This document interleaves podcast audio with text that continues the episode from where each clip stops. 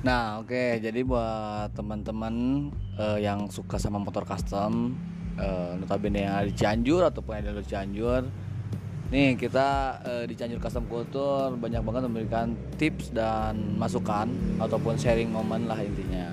Itu pantengin terus podcast kami. Oke.